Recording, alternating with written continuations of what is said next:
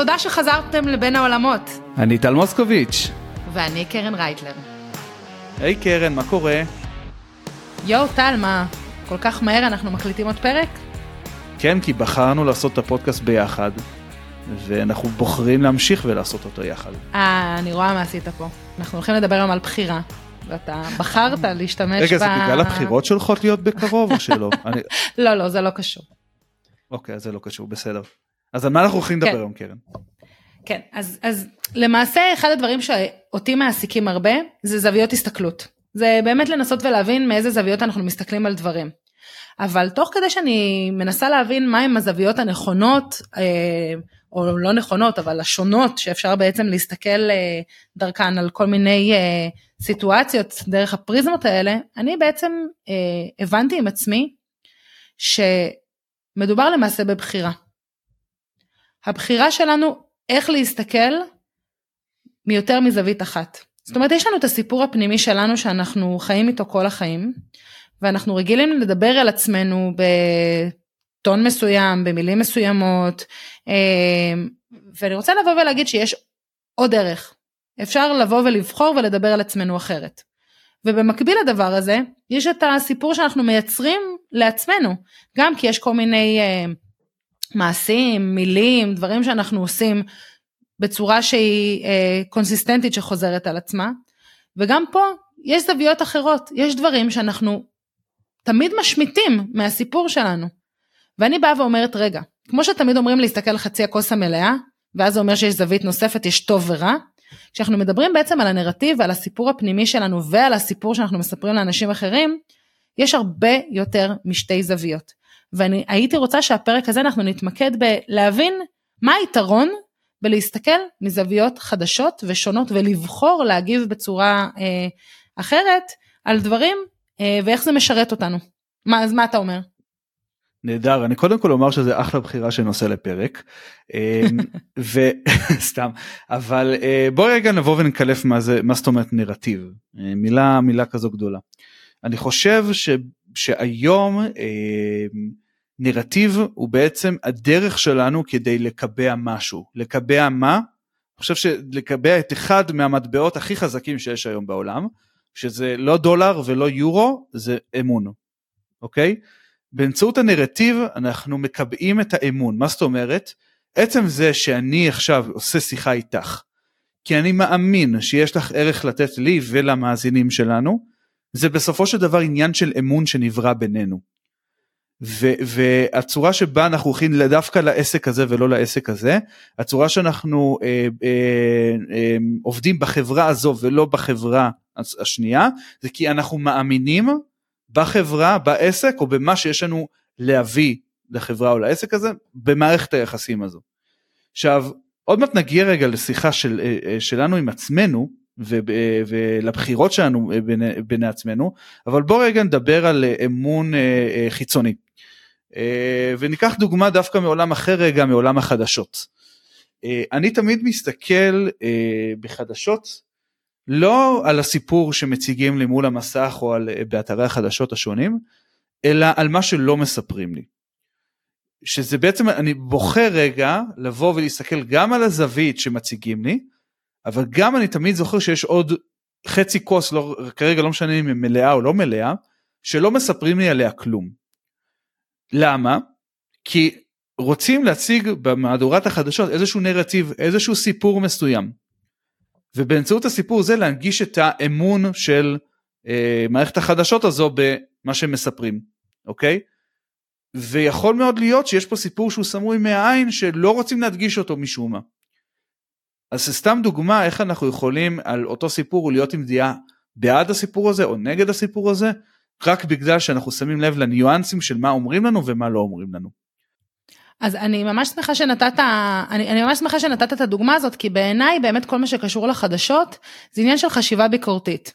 כאילו מאוד קל לנו לבוא ולהסתכל על זה עכשיו כדוגמה כי זה משהו שהוא חיצוני. אתה לא בא ואומר אני כבן אדם מנסה לבוא ולייצר איזשהו נרטיב להראות השק... אה, השקפת עולם לבוא ולספר איזשהו סיפור. אתה בא ואתה אומר במערכות כמו חדשות יש בעצם איזושהי יד מכוונת שבאה ואומרת אה, מה יהיה הנרטיב הספציפי. למשל אנחנו יודעים שאם אנחנו אה, קוראים את אה, ישראל היום אז הזווית שממנה מסתכלים היא זווית שהיא יותר ימנית. אנחנו יודעים שאם אנחנו מסתכלים אה, וקוראים את החדשות בעיתון הארץ, אז הזווית היא יותר אה, אה, שמאלנית והיא יותר סוציאליסטית. בסדר? אנחנו יודעים בעצם שיש כאן זוויות שהן אחרות וגם בוחרים בעצם איזה סיפורים לספר לנו, מה מתאים, מה, מה משרת את הנרטיב ומה לא משרת את הנרטיב. אני רוצה לבוא ולהגיד שכשאנחנו אנשים פרטיים, בין אם אנחנו one person show ויש לנו עסק, בין אם אנחנו אה, מותג אישי שנמצא באיזשהו ארגון, אנחנו בעצם רוצים לבוא ולייצר את הנרטיב, לשלוט על הנרטיב אה, גם שאנחנו מוציאים אותו החוצה, בעצם מה יחשבו עלינו, איך יגיבו אלינו, אה, איך למסגר בעצם את הדברים, ולנו יש, חשוב להגיד, יש לנו את היכולת לבחור. זאת אומרת, ברור שאפשר לבוא ולהתנהל אה, על הבב הלאה ופשוט לזרום עם דברים, אבל אם אנחנו נעצור אנחנו נבין שיש לנו הרבה מאוד שליטה ויש לנו בחירה. אה, ומשהו שהוא יותר קשה לעשות זה בעצם לבוא ולשלוט על הנרטיב הפנימי. בעצם על הסיפור שאנחנו מספרים לעצמנו על עצמנו בתוך הראש שלנו. אה, כי אני חושבת שהוא הרבה פעמים משפיע על האופן שבו אנחנו נוציא דברים החוצה. כשאנחנו מרגישים טובים, כשאנחנו מרגישים אה, מוצלחים, כשאנחנו מרגישים שיש לנו מה לתת, הרבה יותר קל לנו לבוא ולייצר את הסיפור הזה החוצה. נהדר. אה, כן. אני רוצה להתחיל מאקספוזיציה לדבר הזה. אה, מאיזשהו כלי שהוא מאוד מאוד חשוב, אה, שיש בכולנו ואנחנו לא מספיק מתייחסים אליו, שנקרא מטה קוגניציה. עכשיו, למה? כי את בעצם מדברת על סיפור שאנחנו מספרים על עצמנו לעצמנו. מטה קוגניציה זה פשוט אה, הצורה שבה אנחנו חושבים על המחשבות שלנו. זה, זה, זה, את בעצם מדברת על מקרה פרטי של זה. עכשיו, חשוב שנבין שיש לנו את הכלי הזה לאבד את המחשבות שלנו, בגלל שזה מתחיל קודם כל מהנקודה שאנחנו יכולים לבחור את המחשבות שלנו. שזה נקודה שהיא סופר מעניינת כי פעם אנשים לא חשבו ככה. פעם אנשים רגע רגע המחשבות שלי זה בעצם אני. אני לא יכול לבחור את המחשבות שלי. כמו שאני לא יכול לבחור את הנרטיב שלי הנרטיב זה אני. אני לא יכול ליצור אותו.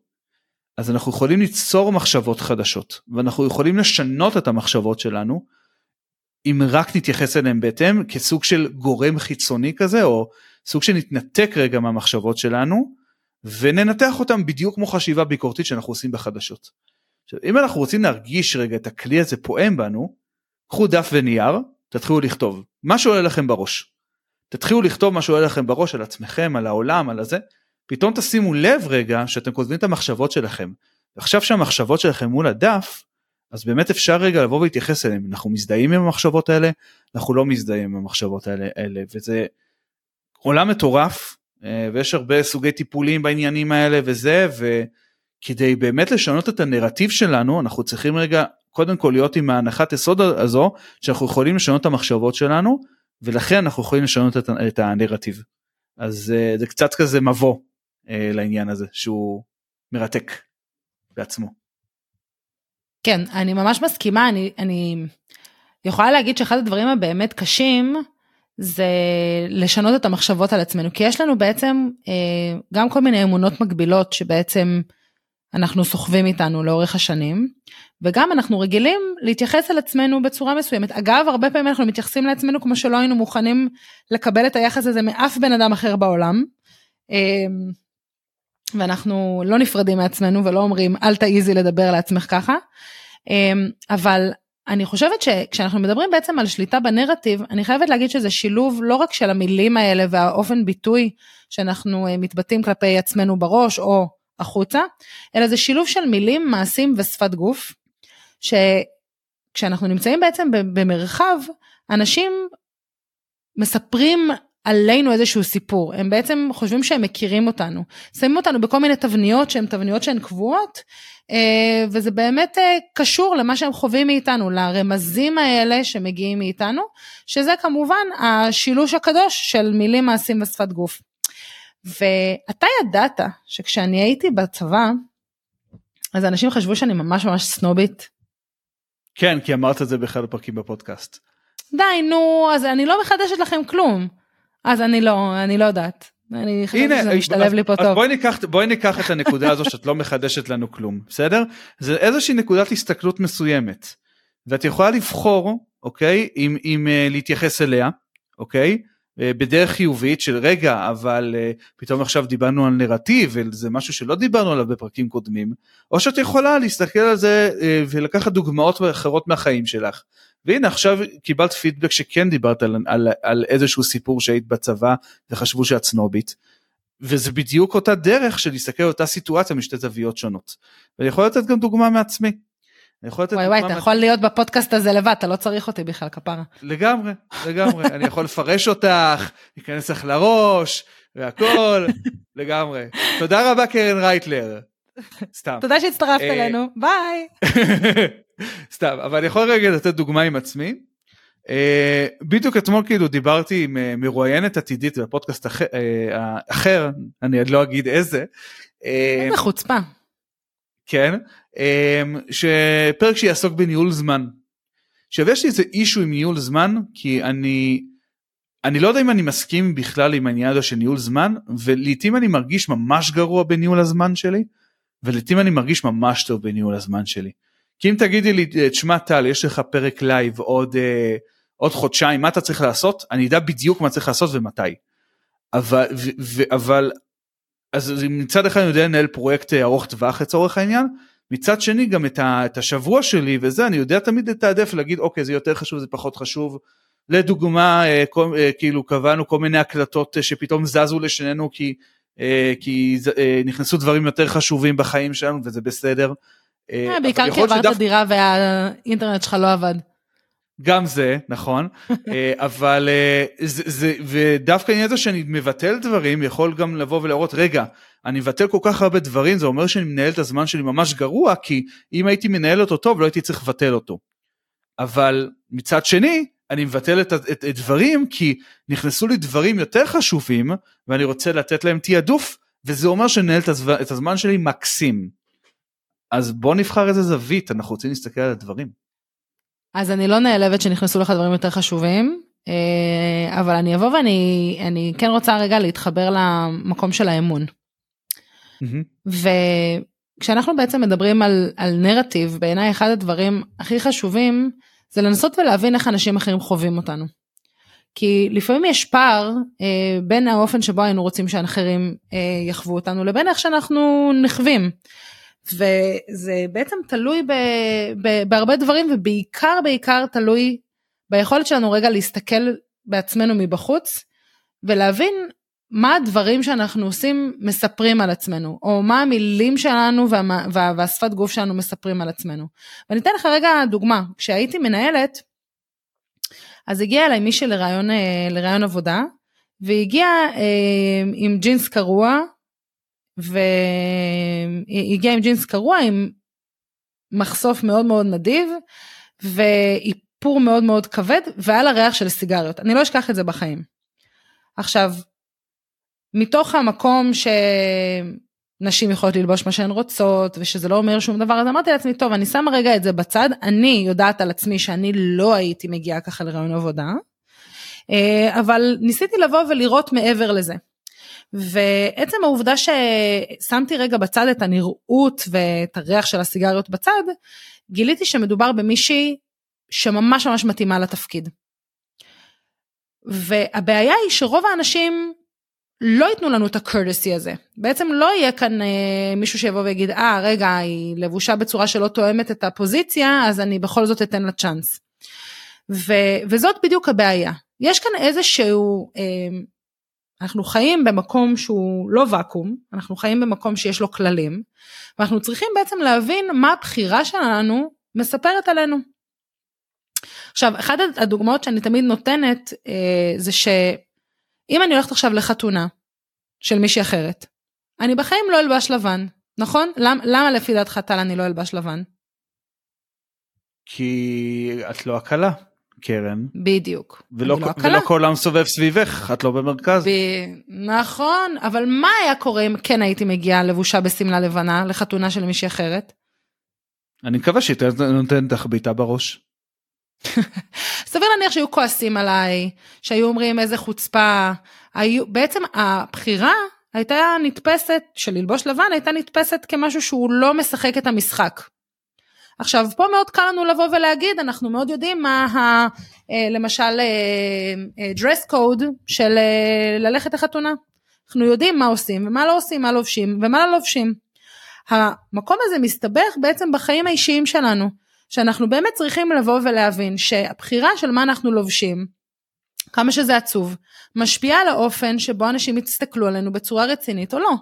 השפת גוף שלנו והפתיחות שלנו יגידו האם אנחנו נחמדים, האם אנחנו לא נחמדים. לאף אחד לא אכפת האם אני בן אדם שהוא יותר מופנם וקצת יותר קשה לי, או שאני מרגישה לא בנוח. ובעצם הדבר הזה של השפת גוף שלי, בנוסף כמובן ללבוש, מספר איזשהו סיפור, האם כדאי להתקרב אליי, האם אני נחמדה, האם אני אעזור, האם מפחיד אה, לגשת אליי. כשאני לא בכלל מדברת, עוד לא הכנסנו את המילים ואת האופן התבטאות לתוך השילוב הזה.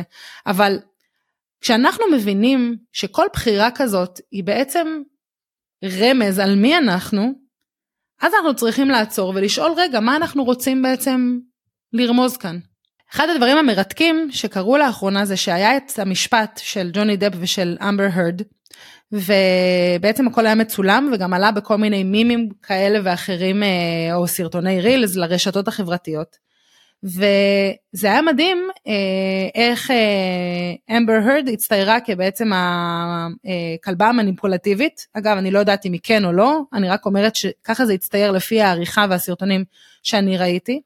ולמרות שהיא הייתה לבושה בצורה מכובדת לבית משפט אה, עדיין הסתכלו הרבה על הבעות פנים שלה, על זה שהיא אה, לא זזה בכלל והיא הייתה קפואה, או על זה שהיא צחקה ברגעים שהם לא מתאימים, אה, או שהיו לה הבעות פנים שהן אה, מוזרות, או שהיא בחרה להשתמש בכל מיני אה, מילים וסיפורים שהיו לא קשורים. עכשיו, למה אני נותנת את זה כדוגמה, למרות שזו דוגמה שהיא קיצונית ורובנו לא עומדים במשפט, ו... אה, זה ש... הניסיון לשלוט בנרטיב ולהפוך את עצמה לקורבן לא צלחה. והיא לא צלחה באמת בגלל שהשפת גוף שלה והמעשים שלה הראו שלמעשה היא, היא מנסה לשחק. ממש ראו אותה בחלקים מסוימים אה, שהיא יודעת שיש מצלמה כאילו צוחקת ואז לרגע הופכת להיות רצינית. או מגלגלת עיניים אבל אז אה, מסתכלת אה, ורואה שהמצלמה לכיוון שלה ואז היא כאילו נראה כאילו היא מתחילה לבכות. היו ממש כמה מקרים כאלה שהיא ניסתה לשחק את המשחק ואז אם דיברנו קודם על האמון שהוא המטבע הכי חשוב אף אחד לא האמין למה שהיא ניסתה לספר. אגב לא כי בטוח שהיא משקרת אני לא יודעת אם היא משקרת אני מאמינה שלפחות חלק ממה שהיא אומרת הוא אמת אבל הנרטיב שאנחנו קיבלנו מהשפת גוף שלה, מהמעשים ומהמילים, גרמו למטבע הזה של האמון להיות, uh, לצאת מהמשוואה. ואז ברגע שלא האמנו לה, היה מאוד קל להגחיך אותה. עכשיו, בעולמות שלנו, אנחנו באמת צריכים לבוא ולשאול את עצמנו, מה, מה רלוונטי? האם אנחנו, מה השפת גוף שלנו מספרת על עצמנו? האם אנחנו קפוצים? האם אנחנו uh, נראים פתוחים? מה אנחנו לובשים, באיזה מילים אנחנו משתמשים, איזה דוגמאות אנחנו בוחרים להשתמש בהן, ולמצוא באמת את הזווית שבהם, ש, שבסופו של דבר תוביל אותנו אה, לייצר את, את, את, את האופן שבו אנחנו רוצים שאחרים יסתכלו עלינו. זה, זה היה קצת מסורבל, זה היה מובן? אה, לי כן, אני, אני יכול, אה, אני מקווה שגם למאזינים בבית. אה, אני יכול לבוא ולדבר רגע על העניין של לבוש. אה, אני פיתחתי לעצמי ב... אה, בעת האחרונה, אני חושב בשנה, שנתיים האחרונות, אה, קוד לבוש מאוד מאוד נקרא לו מסוים. בזכות הקוד לבוש הזה, אז אני יכול להגיד לך שהרבה אנשים פתאום מזהים אותי ומכירים אותי ומשייכים בין הקוד לבוש הזה לתוכן שלי, בזכות זה שהוא לא משהו רגיל. עכשיו יכול להיות שגם אני לא, לא בדיוק מודע לזה כן כי לא, לא סיפרו לי אבל יכול להיות ש, שגם זה גורם לי יותר מדי לזהור בשטח לצורך העניין כי זה יותר מדי אה, לפעמים מוגזם שאני בא לאירועים ודברים כאלה. אבל בסופו של דבר למה בחרתי להמשיך עם זה? כי קודם כל אני מרגיש שזה מייצג אותי אני מקבל תגובות טובות מהשטח וזה מחזק את הנרטיב שלי בעיני עצמי. דוגמה.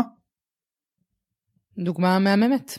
אני יכולה להגיד לך שאני הלכתי להעביר הרצאה על שפת גוף, ולפני שעליתי לבמה, כשאנשים יכולים לראות אותי. לא סיפרת אותו פה, אני אוהב את הסיפור הזה. הנה, את רואה, את מביאה גם דברים שעדיין לא סיפרת. כן, נכון. אמ, אבל אה, אה, עליתי בעצם, לא, זה לא הסיפור הזה, זה לא מה שאתה חושב. לא משנה, טוב, נו, כן, ספרי. אבל, אבל אמ, הלכתי להעביר הרצאה בערך אה, לפני 300 אנשים, והמטרה הייתה בעצם לבוא ולדבר על שפת גוף. על שפת גוף ומסרים שאנחנו מעבירים בשפת גוף, ואני מוצאת את עצמי אה, עומדת בצד, כשהקהל יכול לראות אותי, ומתחילה לעשות מין כזה, לשחק עם הידיים בצורה שמראה עצבנות. ותוך כדי אני מלכה את עצמי בתוך הראש שלי ואומרת לעצמי, איזה קטעים. כאילו אני עומדת לפני הרצאה של שפת גוף, אני לא שולטת בשפת גוף שלי, אני נראית עצבנית, ואז ניסיתי בעצם לשים את הידיים שלי בכיסי, לא ידעתי מה לעשות איתם, כאילו, פתאום כל הדברים שאני יודעת על שפת גוף עפו מהחלון, ופשוט אמרתי לעצמי, רגע, תזכרי שאת יכולה לשלוט במה שאת עושה, את יכולה לשלוט בנרטיב, ובאותה נקודה לא יכולתי לשלוט בשפת גוף. אז אתה יודע מה עשיתי? כשעליתי לבמה, והתחלתי לספר להם על מה אנחנו הולכים לדבר היום, השתמשתי בזה שעמדתי אה, בעצבנות בצד ושאלתי אותם מי ראה את זה. עכשיו לא המון ראו את זה אבל חלק הרימו את היד ואמרו שהם ראו את זה. והשתמשתי בעצם בדבר הזה שאני לא יכולה להסתיר כדי לבוא ולייצר אמון עם הקהל. בעצם אמרתי לעצמי רגע יש לי בחירה אני יכולה להתעלם מהדבר הזה ולהגיד שזה מעולם לא קרה ואז לעלות בטח אחרי 2 3 4 5 דקות לתוך ההרצאה אני אשתחרר ויהיה סבבה או שאני יכולה לבוא ולהגיד רגע האנשים שנמצאים בקהל באו לראות אותי על השפת גוף אבל השפת גוף שלי משדרת להם משהו עצבני לא נעים. אני יכולה בעצם להשתמש בזה גם להראות שאני אנושית גם לבוא ולא להתעלם מזה וגם להגדיל את האמון. שבסופו של דבר בעיניי זה מה שחשוב והרגשתי שאני לגמרי דרך הבחירה הזאת שולטת בנרטיב שאני מייצרת. עצם העובדה שלא התעלמתי ממשהו שקרה ושמתי אותו על השולחן והשתמשתי בו יצר בעצם את ה... התחלה הכי טובה שיכולתי לדמיין לאותה הרצאה. מדהים, מדהים, מדהים. זה, איזה, זה לא הסיפור שחשבת, נכון? נכון, זה לא הסיפור שחשבתי. יפה, את גם מגוונת פעם, מפעם לפעם, סתם. נכון. אמ, מגניב ממש. אמ, איזה טיפים יש לנו לבוא וככה להתחיל להסתכל אה, על, על עצמנו בזוויות שונות? דוגמה כמו הזווית שלי עם הלבוש, כמו הזווית שלך עם, ה, עם, ה, אה, עם העצבנות בידיים, או כמו הזווית שלי על ניהול זמן. אני חושב שזה משהו שאולי אנחנו מאוד מאוד מורגלים בזה, אבל אה, לא בטוח שאנשים אחרים בכלל רואים את זה. איך עושים את זה? יש איזשהו תרגיל שאני נותנת, לה, כשאני עוזרת בעצם לעסקים למצוא את הזווית המעניינת שלהם, של הסיפור שלהם, אני בעצם נותנת להם את תרגיל הסלון. אני רוצה לתת את תרגיל הסלון גם למי שמקשיב לנו.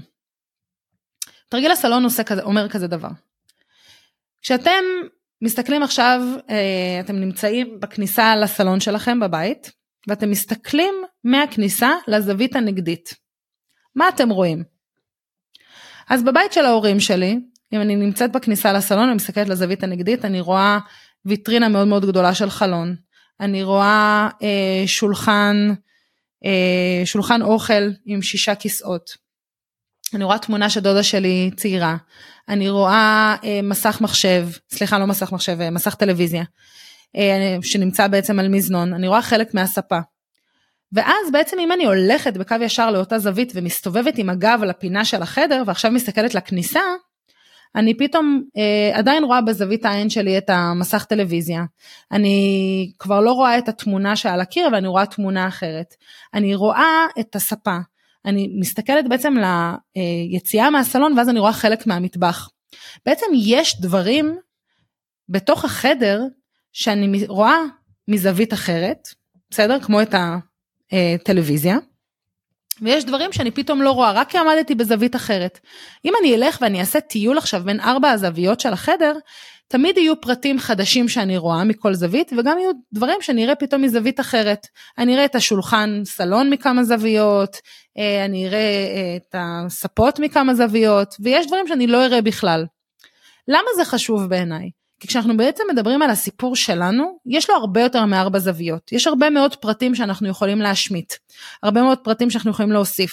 הרבה מאוד פרטים שאם אני אלך בזווית מסוימת אה, ואני אבנה את הסיפור עצמו, אני אהיה חייבת בעצם, אה, בגלל שאני לא יש עניין של אה, עיקר וטפל, צריך להוריד כל מיני דברים בדרך. אני אוכל לבוא ובעצם להסתכל מזווית שהיא שונה על מקרים מסוימים. זאת אומרת, אם דיברת קודם על כישלון, אני יכולה להסתכל על משהו ככישלון, לחלוטין, על משהו שהרס לי את החיים או על משהו שהוא חוויה לא נעימה, או שאני יכולה להסתכל על כישלון כאיזושהי מקפצה ללמידה למשהו אחר שקרה לי. ואני חושבת שאם אנחנו נבין שלכל אירוע, כל אירוע, הכל, גם האירועים הכי קשים שקורים לנו בחיים וגם האירועים הכי טובים. יש כמה זוויות, לא רק טוב או רע, אלא ממש זוויות ודרך להסתכל עליהם ולספר אותם קצת אחרת ולהבין מה קרה בהם ויש להם הרבה מאוד פרטים, אנחנו נבין שגם האופן שבו אנחנו מפרשים דברים בתוך הראש שלנו ומסתכלים עליהם, יש להם כמה זוויות. ואז נמצאת העבודה העצמית של לבוא ולהגיד, רגע, אם אני מסתכלת על עצמי או מדברת על עצמי, למשל בלי חמלה, או בצורה שהיא לא מקדמת אותי, או בצורה שהיא גורמת לי להרגיש שאני לא החברה הכי טובה של עצמי, איך אני עוד יכולה לפנות לעצמי? עכשיו, אם אני עד עכשיו חושב, אומרת לעצמי שאני לא טובה במה שאני עושה, שאני גרועה, שאני בחיים לא אצליח, זה יהיה מאוד מלאכותי לבוא ולהגיד לעצמי, את תותחית, את מדהימה, את מהממת. אני לא מתכוונת שאנחנו נשקר לעצמנו. אני אומרת, בואו נשנה בהדרגה נבין איך אנחנו רוצים לדבר לעצמנו ומה הנרטיב שאנחנו רוצים לייצר, ואז אולי נוכל לבנות תוכנית פעולה ולשנות קצת את הטרמינולוגיה שבה אנחנו משתמשים כדי לבוא ולהתכוונן לכיוון הזה. אז במקום לבוא ולהגיד לעצמי, את גרועה, את לא טובה, את בחיים לא תצליחי, אני יכולה לבוא ולהגיד לעצמי, את כרגע לא הצלחת, אבל יכול להיות שבעתיד את תצליחי אם תעשי 1, 2, 3, 4, 5. שימו לב איך פתאום הדבר הזה הוא קצת עם יותר חמלה.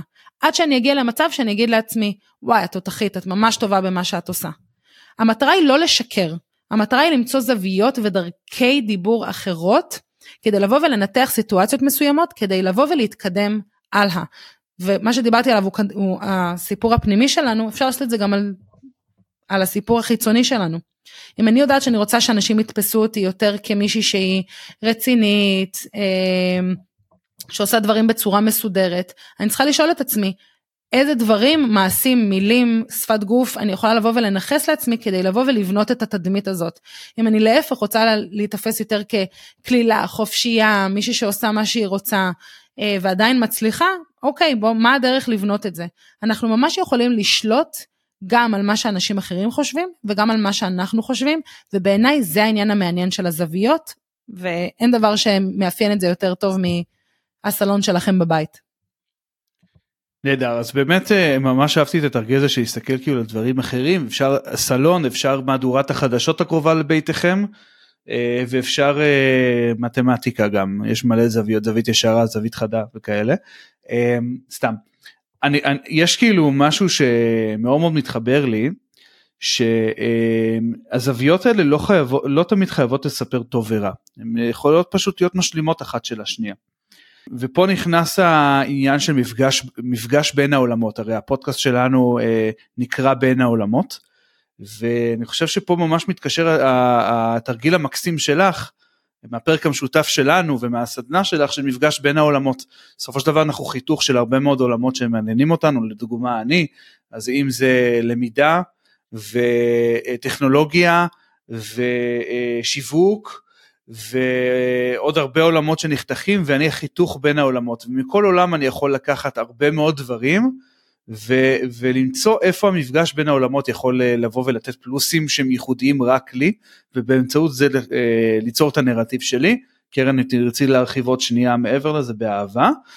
הנקודה השנייה היא שכמו שאמרת נגיד על אה, אוקיי אני לא טוב כרגע אבל בעתיד אני אוכל להיות יותר טוב אם אני אעשה א' ב' ג' אפשר לעשות את אותו דבר גם על, אה, על דברים מאחורה, זאת אומרת על נקודות מסוימות אחורה שפתאום אנחנו מסתכלים עליהם.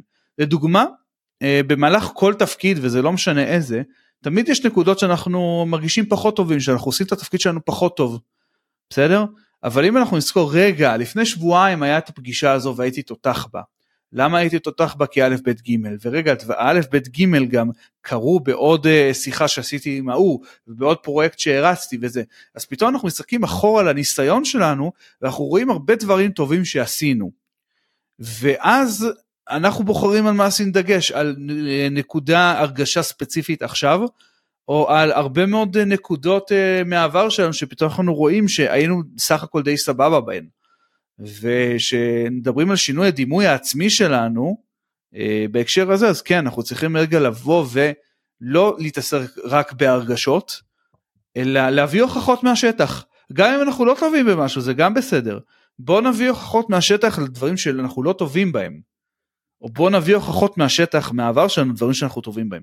כן, אני, אני לגמרי מסכימה איתך שיש כאן עניין של למידה, והעניין של הלמידה היא באמת, עוד פעם, מחזיר אותי באמת לעניין של המודעות. ככל שאנחנו מודעים יותר לדרך שלנו, ובאמת מאפשרים לעצמנו לשאול שאלות, ולא רק לקחת דברים כמובן מאליהם, אה, ולנסות להפוך את עצמנו לגרסה הטובה ביותר של עצמנו, ככה אנחנו יכולים גם לפתח יכולות ראייה של זוויות שונות.